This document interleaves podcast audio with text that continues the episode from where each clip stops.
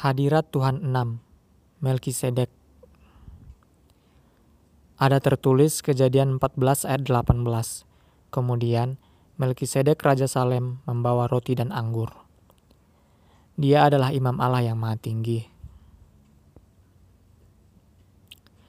Disebutkan Melkisedek adalah raja dan imam Allah yang maha tinggi. Bukan raja biasa, dia adalah Raja Salem. Kata Salem berarti damai. Nama Melkisedek sendiri berarti Raja Kebenaran.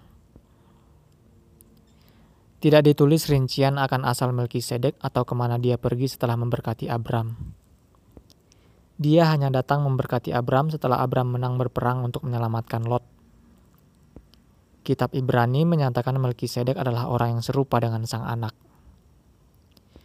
Bisa dibilang inilah penggenapan bahwa Melkisedek adalah cara Tuhan menyatakan hadiratnya ribuan tahun lalu agar manusia tidak heran dan dapat percaya akan pernyataannya selanjutnya dalam sang anak.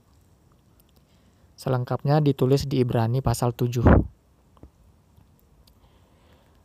Beberapa ahli teologi menyatakan bahwa Melkisedek adalah perwujudan Tuhan sendiri berdasarkan apa yang dikatakannya di Yohanes 8 ayat 56.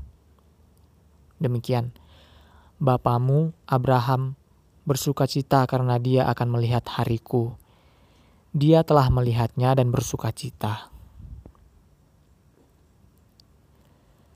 Lebih menariknya lagi adalah apa yang dibawa Melkisedek ketika itu.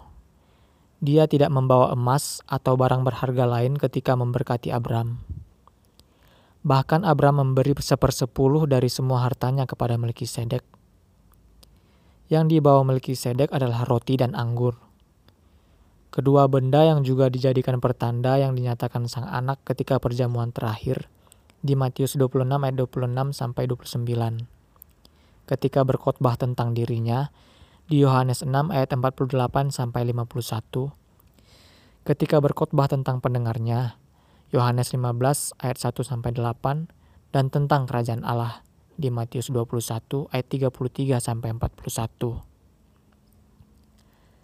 Lihatlah bagaimana luar biasanya Tuhan tak terbatas dan merencanakan keselamatan. Dialah Raja Damai, dialah Imam Allah yang Maha Tinggi, dialah anak domba Allah, dialah Raja Kebenaran. Haleluya!